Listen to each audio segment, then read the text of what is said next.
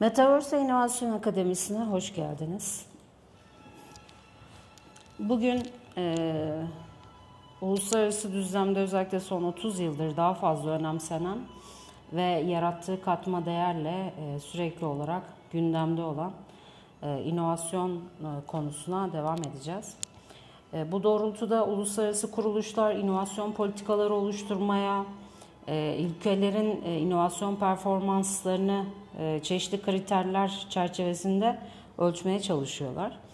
E, inovasyon, küresel rekabetin e, ve ekonomik büyümenin sağlanması için, vatandaşların özellikle yaşam kalitelerini yükseltmek için, iyileştirmek için, açlık, bulaşıcı hastalık, susuzluk, çevre kirliliği gibi sorunların çözülebilmesi için birçok alanda uygulanıyor dünya üzerinde.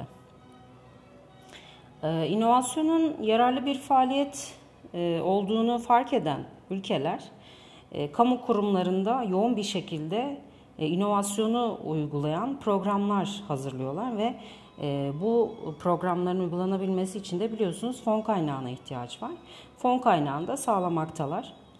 Ee, inovasyon sosyal ve ekonomik gelişmelere ve teknoloji alanında yaşanan hızlı değişimlere bağlı olarak e, sorun çözen ve e, ihtiyaçları karşılayan bir araç olarak görülüyor ve bu şekilde kullanılıyor. Küresel düzlemde vatandaş beklentilerinin üstünde bir araç e, şeklinde, hizmet sunumunda ise kamu kurumlarında e, vatandaşa en yakın birimler olan belediyeler tarafından da uygulanmakta.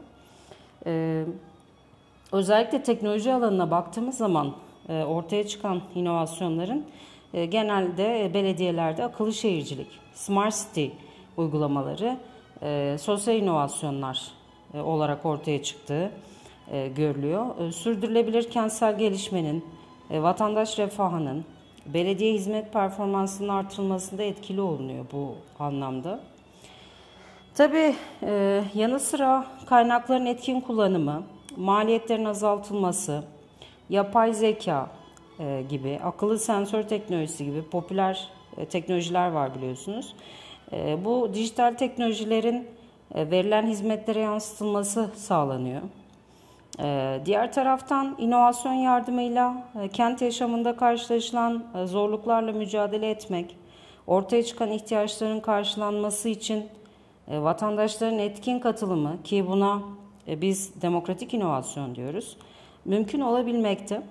Özel sektör ve sivil toplum kuruluşlarının e, belediyelerle birlikte hareket etmesi ve işbirliğiyle işbirliği kurması ve bunun sonucunda da Living Lab dediğimiz yaşam laboratuvarlarının ortaya çıkmasını sağlıyor. Bunlar bir organizasyon benim doktora tezimin konusu. Ee, inovasyon alanında daha hızlı, etkin ve vatandaş odaklı hizmet sunumunun sağlanması anlamında ee, faydalı organizasyonlar. Tabii Living Lab ile ilgili konuşmadan önce inovasyona derinlemesine bir giriş yapmak istiyorum. Özellikle kamu kurumlarında çalışan arkadaşlarımızın e, bu e, podcastleri dinlemesini tavsiye ediyorum. E, tabii ilk bölümü özellikle her kesimden insanlar dinleyebilir. Ancak daha sonra Living Lab kısmında daha çok kamu kurumlarına hitap edeceğim. Kamu kurumları derken de bunlar üniversiteler, işte belediyeler veya kamu kurumları dışında e, sivil toplum kuruluşları da olabilir. E, peki inovasyon kavramına bir fokuslanalım, bir zoomlayalım inovasyon kavramını. İnovasyonun e, benzer kavramlarla ilişkisi bağlamında e, çeşitli e, kavramlarla karşılaşmışsınızdır. Mesela icat ve inovasyon, yaratıcılık ve inovasyon, ARGE ve inovasyon, girişimcilik ve inovasyon, reform ve inovasyon kavramlarına değineceğim. İnovasyon türleri e, biliyorsunuz daha önce de değinmiştim. İşte ürün inovasyonu var, süreç inovasyonu var, pazarlama inovasyonu var, organizasyonel inovasyon var, radikal inovasyon var, kademeli inovasyon var, hizmet inovasyonu var, yönetim ve örgütsel inovasyon var, kavramsal inovasyon var, politik inovasyon, karmaşık inovasyon, sosyal inovasyon bunlar hep e, değinilen, e, literatürde olan e, kavramlar. İnovasyon kriterleri ve inovasyonun öneminden bahsedeceğim. E, işte e, bu anlamda merkezi yönetim, özel sektör, vatandaşlar, sivil toplum kuruluşları, e, uluslararası gelişmeler, uluslararası kuruluşlar, e, bunlar inovasyon, bunların inovasyonla ilintisi ne? İnovasyon iç kaynakları ne? Dış kaynakları biraz önce saydım. Bunlarla ilgili e, konular ne? Engeller ne? Etkileşim ne? Bunlar üzerinde duracağım. Şimdi inovasyon e, yeni kamu yönetimi yaklaşımının temel unsurlarından birisi ve e, kamusal hizmetlerin performansının geliştirilmesi ve mükemmelleştirilmesi için e, önem atfedilen bir kavram.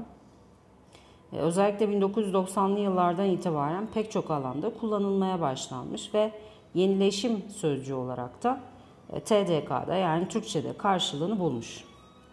İnovasyon değişen koşullara uyum sağlamak için bilim ve teknolojiden yararlanarak toplumsal, kültürel ve e, yönetsel ortamda yararlı ve ekonomik değere dönüştürebilir e, bir sonuca ulaşmak e, için yeni yöntemlerin e, kullanılmaya başlanması, bu yöntemlerle hareket edilmesi olarak tanımlanıyor. E, farklı kaynaklara baktığımız zaman mesela Webster sözlükte inovasyon yapılan bir değişiklik ile yeni bir şeyin tanıtımı olarak e, tanımlanıyor. Böyle ifade ediliyor. Webster Online Dictionary kısmına baktığınız zaman.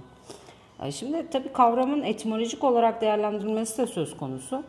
E, Türkçeden İngilizceye, Türkçeye İngilizceden geçmiş. E, inovasyon e, sözcüğü Chantrell'in e, belirttiği üzere Latince'de innovatio kelimesinden gelmiş. Bu söz yenilenmek, değişmek, başkalaşmak anlamlarını taşıyan innovare fiilinden tüketiliyor. E, türetiliyor, pardon. Innovare fiil, fiilinden türetiliyor ve innovatio kelimesi ortaya çıkıyor. Tabii e, innovare kelimesi çözümlendiğinde in kelimesi biliyorsunuz İngilizce'de içinde içine anlamına geliyor. Um, novus kelimesine baktığımız zaman novare, yenileşmek, yeni hale gelmek anlamında kullanılıyor. Um, bunları e, inovasyon kelimesinin kökenini bu şekilde ifade edebiliriz. Bunlar tabii benim araştırmalarım, yıllarca süren araştırmalarım sonucunda ortaya koyduğum çeşitli ifadeler, e, araştırmalarımın sonuçları. O yüzden telif haklarına saygı duyarak, izin alarak lütfen kullanacaksanız buna saygı duyarak ve izin alarak kullanmanızı e, aksi takdirde hukuksal anlamda e, haklarımı koruyacağımı ve e, girişimlerde bulunuş, bulunacağımı da ifade etmek istiyorum. E, çünkü bazı e, yerlerde bazı kişiler tarafından dile getiriliyor, konuşuluyor, ediliyor. Ama bunlar tamamen benim araştırmalarım sonucunda ortaya çıkmış bilgiler. Şu an peşinen söylüyorum. O yüzden e, akademik araştırmalarda olduğu gibi e, referans göstererek, e, izin alarak, atıf yaparak e, bunların ifade edilmesi gerekiyor. E, akademik çevre zaten bunun farkındadır da diğer çevrelerin de bunun e, ciddiyetine varması gerekiyor. Çünkü ortada bir emek var, yıllarca süren bir emek var, ortaya konulan bir emek var. Buna saygı duyulması gerekiyor ülkemizde. Şimdi kelimenin anlam analizine baktığımız zaman da yeni bir icat veya buluştan ziyade e, bir ürün veya bir aygıtta ya da bir uygulamada yenilik yaparak onu iyileştirme, daha yararlı hale getirme şeklinde bir şey anlayabilirsiniz. Kelimenin fiil hali innovate dedik. İsim hali innovation. İnovatör sıfat halde inovatif olarak değerlendiriliyor. TDK'ya ben başvuruda bulunmuştum. E, inovatör kelimesinin Türkçe'ye çevrilmesi veya TDK'da yer alması için ne zaman başvurdum? Sanırım 2014 yılında başvuruda bulunmuştum. CİMER üzerinden. Ya da BİMER üzerinden o an hangisi vardı tam hatırlamıyorum şu an. E, inovatör kelimesinin de çünkü benim sık sık kullandığım bir kelime. E, bunun da e, TDK'da yer alması gerekiyor. İnovatör de inovasyon yapan anlamına geliyor arkadaşlar. Şimdi inovatif kelimesi Webster sözlükte yeni olma olarak tanımlanıyor dedik. E, innovat, innovate e, fiili yeni olarak tanıtmak, yeni şeyleri içeri almak, var olan uygulamaları değiştirmek anlamında kullanılıyor. E, Türk Dil Kurumu Türkçe sözlükte, güncel Türkçe sözlükte inovatif kelimesinin karşılığı yenileşimci, yenilik yapan kişi, e, inovatör de yenilik yapan kişi olarak yer alıyor. Red House'a baktığımız zaman kalın bir Red House sözlüğümüz vardır bizim. iki tane vardır hatta. Orada İngilizce Türkçe sözlükte e, baktığım kadarıyla innovate kelimesine baktığımda yenilik çıkarmak, değişiklik yapmak yazıyordu. İnovatör ise yenilik çıkaran kimse olarak tanımlanıyordu. E, Türk Dil Kurumu güncel Türkçe sözlükte değişen koşullara uyabilmek için toplumsal, kültürel ve e, yönetimsel ortamlarda yeni yöntemleri kullanmaya başlayan kimse olarak tanımlanıyordu. E, yenilikçi kişi veya inovatör olan kişi. E, benim e, sosyal medyadaki user name'lerimden bir tanesi o. E, bilimsel literatürde inovasyona ilişkin birçok tanım var. E, etimolojik e, kısmını bitirdik.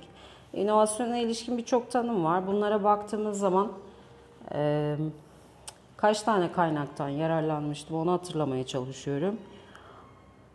10 tane kaynaktan inovasyon tanı tanımı vereceğim veya daha az kaynaktan e, hatırladığım kadarıyla. Mesela OECD demiş ki e, yeni veya önemli derecede iyileştirilmiş hizmetlerin veya ürünlerin geliştirilmesi yeni veya önemli derecede iyileştirilmiş. Yani her yapılan şey inovasyon değil. Buna dikkat çekmek istiyorum. Oslo zaten daha önce de iletmiştim. İşte işletme içi uygulamalarda, iş yeri organizasyonunda veya dış ilişkilerde yeni veya önemli derecede iyileştirilmiş ürün veya hizmetten bahsediyor veya süreçten. Ee, bunların gerçekleşmesinden e, bahsediyor. Ee, Schumpeter var.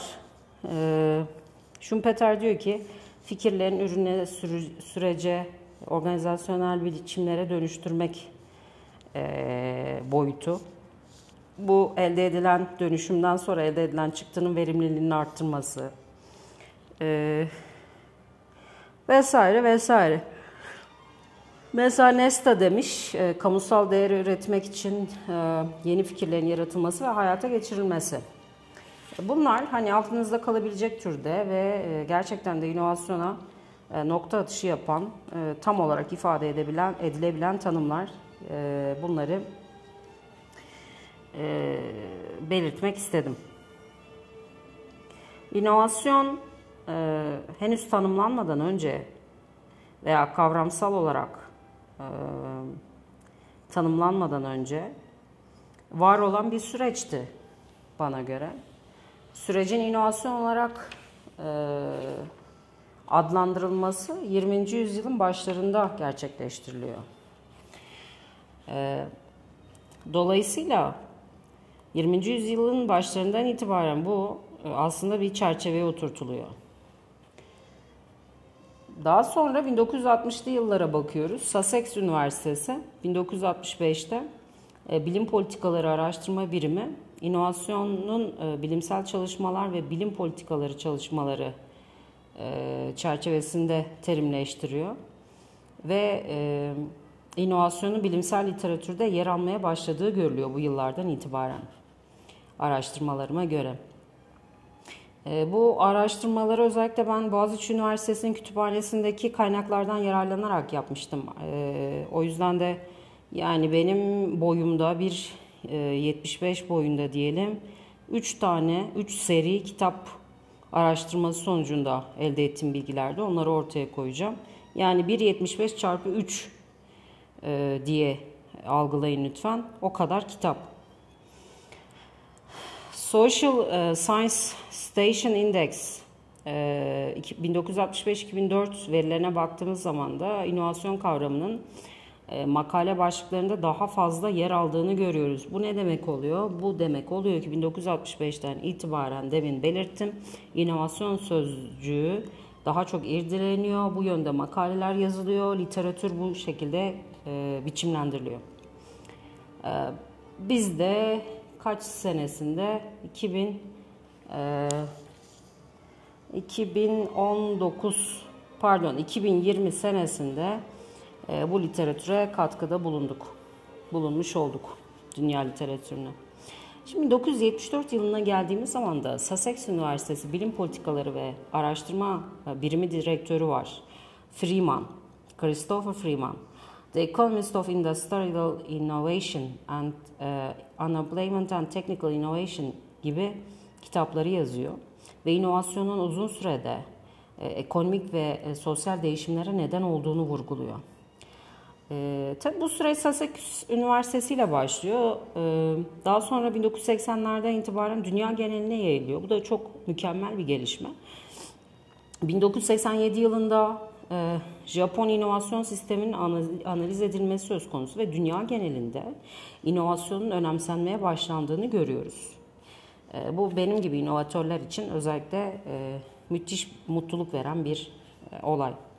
Ee, kavramsal düzlemde e, baktığımız zaman devletlerin izledikleri bilim politikaları bu yönde etkilenmiş.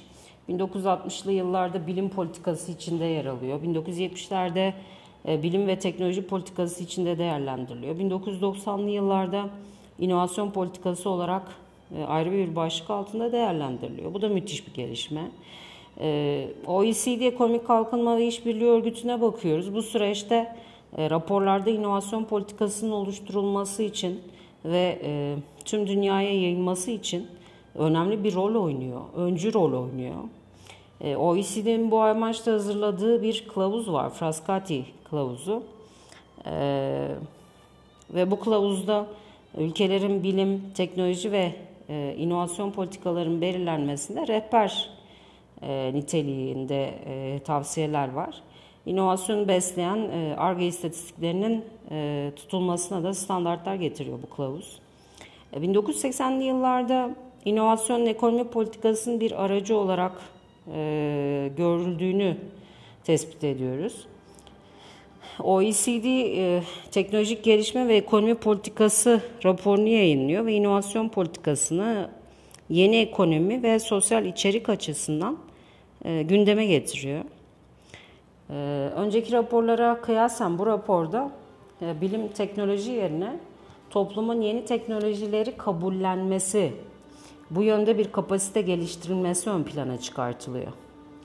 Ee, OECD, OECD ve Eurostat tarafından 1992 yılında Oslo Kılavuzu yayınlanıyor. Bu da bu mihenk taşı.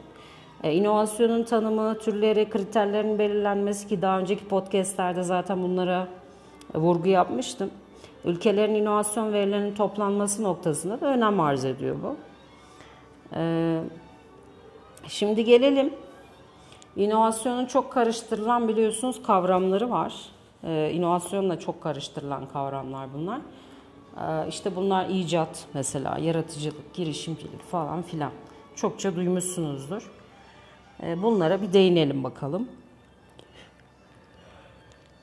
Şimdi icat ve inovasyon değerlendirdiğimiz zaman önce baktığımızda etimolojik açıdan e, yar, e, icat Arapça bir kelime ve buluş, yaratı e, anlamında. Terim olarak bakıldığında yine TDK'yı e, kaynak alıyorum. Yeni fikir olarak tanımlanıyor. E, bir sürecin veya ürünün ilk ilk olarak geliştirilmesini ifade ediyor. Burada altı çizilmesi gereken kelime ilk. Ee, yaygın olarak icadın bilimsel keşifle ortaya çıkan bir süreç olduğu belirtiliyor Smith tarafından. Ee, inovasyon ise e, icat edilen fikrin daha fazla geliştirilmesiyle ürün veya süreçten yeni bir fayda ortaya çıkartılması. Ee, bu şekilde aradaki farkı ortaya koyabiliriz. Daha önce kullanılmamış hizmetleri kullanmak, mevcut hizmetleri geliştirmek. E, mesela daha önce kullanılmamış hizmetler ne olabilir? İşte internet bankacılığı e, oluşturulmadan önce, çok pardon, internet bankacılığı öncesinde şubeye gidip işlem yapmak. Daha önce hiçbir şekilde internet bankacılığı yok. Mevcut hizmetleri geliştirmek veya maliyetleri düşürmek ise inovasyon olarak ifade ediliyor. Schumpeter e, icadı yeni teknik prensiplerin keşfedilmesi olarak ifade ediyor. E, inovasyon ise icadın ekonomik yönde geliştirilme süreci olarak ifade ediliyor. Yani icat edebilirsiniz, satamayabilirsiniz icadınızı ama inovasyon yaptığınızda bunu satıp ekonomik değere veya sosyal faydaya dönüştürebilmeniz gerekiyor. Dolayısıyla e, bu iki e, kavramın karşılaştırmasına dikkat etmeniz lazım. E, icat bir adım, inovasyonsa icat, geliştirme, tasarım, üretimden pazarlamaya kadar değişim yaratan bir süreç. İnovasyon o yüzden daha önce de belirttiğim gibi podcastlerimde kolay bir süreç değil. İcadın başarılı bir inovasyona dönüşebilmesi organizasyonel, bilimsel ve pazarlama bakış açılarının karşılıklı etkileşimiyle mümkün olacak.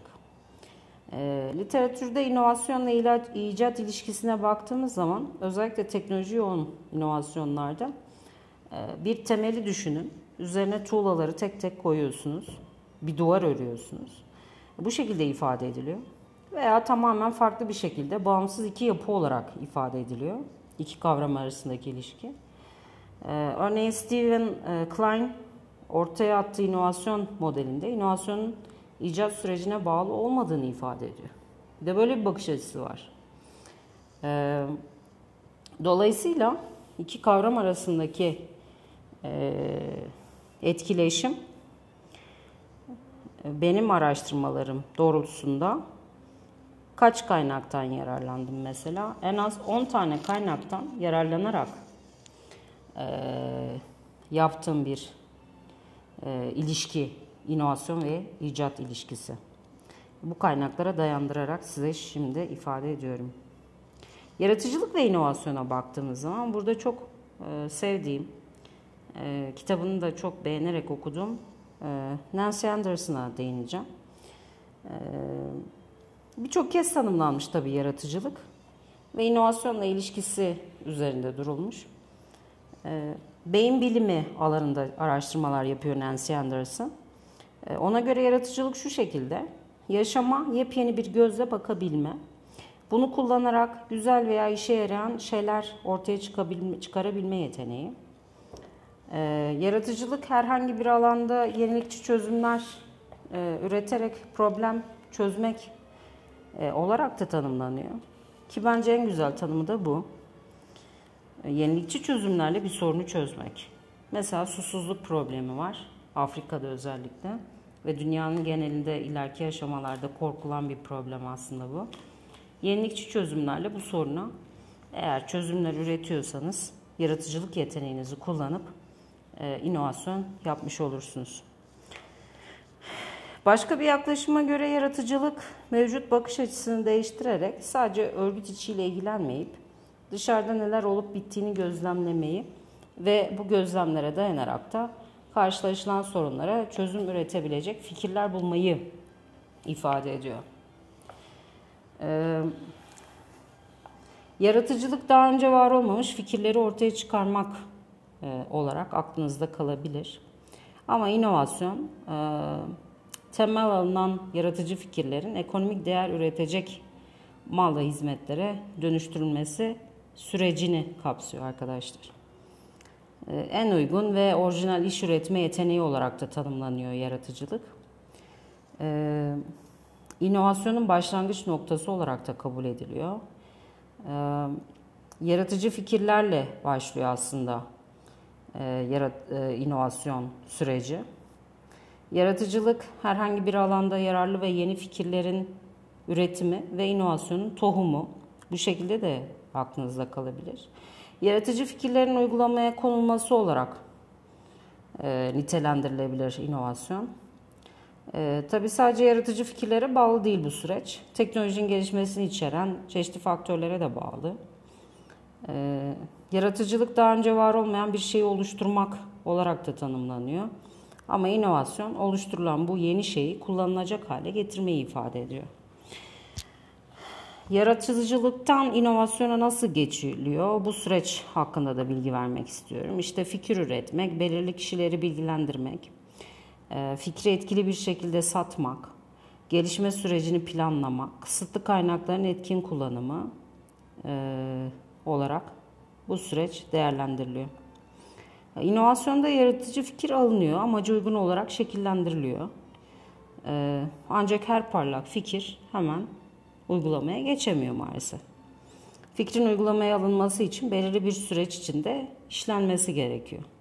Dolayısıyla fikrin inovasyona dönüşmesi aslında uzun bir süreci kapsıyor, uzun bir yolculuğu ifade ediyor. Bugünlük bu kadar. Metaverse ve inovasyon dolu günler diliyorum. Sonraki podcast'imde de devam edeceğim.